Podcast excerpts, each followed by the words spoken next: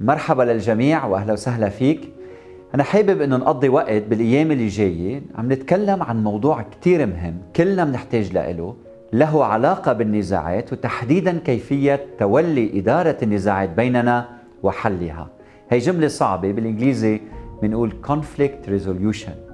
ولمين عم وجه حديث اليوم؟ عم وجه كلامي لكل شخص بيحتك بالناس وبشكل مستمر.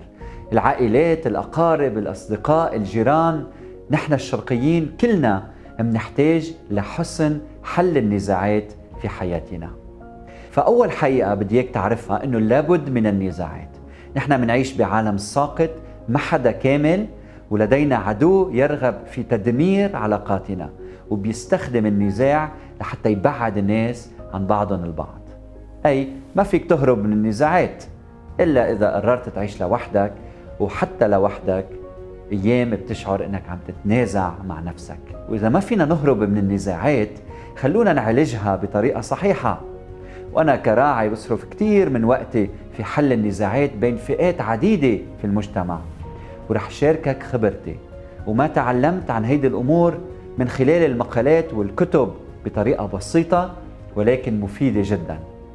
فأنا رح أوضع بين يديك معلومات أنا بستخدمها. وأنا ما عم بدعي بإني أنا مؤلف هالمواد. هيدي المواد موجودة في الكتب وأنا عم شاركك ما أستخدم وما وجدت فعال بحياتي الشخصية. وأيضا ما اختبرت بحياتي الشخصية وما تعلمت من خلال سقوطي ونهوضي. أنا بنفسي أحيانا بضعف وأخطئ وبرجع لهالمواد لحتى أتذكر كيف يجب أن أسلك. والحقيقة الثانية يلي لازم تعرفها إنه مصدر النزاعات هو إما الاختلافات الثقافية أنا زوجتي من لاتفيا وعندنا ثقافة مختلفة عن بعضنا البعض أو شخصياتنا مختلفة لذلك نختلف.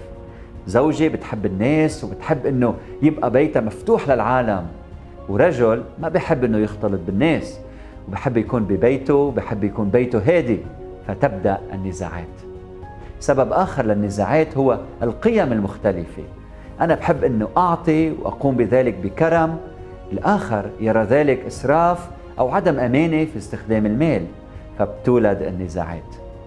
أحيانا بالمؤسسات سبب النزاعات بيكون عدم وجود وضوح للمسؤوليات بسبب غياب السياسات الواضحة والدقيقة فبتشوف الموظفين عم بفوتوا ببعضهم. كما إنه في أسباب أخرى للنزاعات الإرهاق الجسدي والنفسي والذهني. فكلمة صغيرة بتخليني انفعل وردود فعلي بسبب نزاعات في البيت. أحيانا جروح من الماضي إساءات لم تعالج تكون السبب للنزاعات اليومية بين الناس. وما بننسى الخطية السلوك غير المقدس بيأذيني وبيأذي الآخرين فبيولد صراع بين الناس. والحقيقة الثالثة اللي بدي أتركها معك اليوم هي هيدي. كل خلاف كل صراع كل مشكلة هي فرصة للدخول في مغامرة حل النزاعات. التي إن قمنا بها بطريقة صحيحة بتحقق ثلاث أمور. أولا بتمتن العلاقة بين الفريقين فبيولد شعور بالقرب والوحدة والألفة بين المتنازعين. رقم اثنين بتنمي الشخصية. ورقم ثلاثة بيتمجد الله.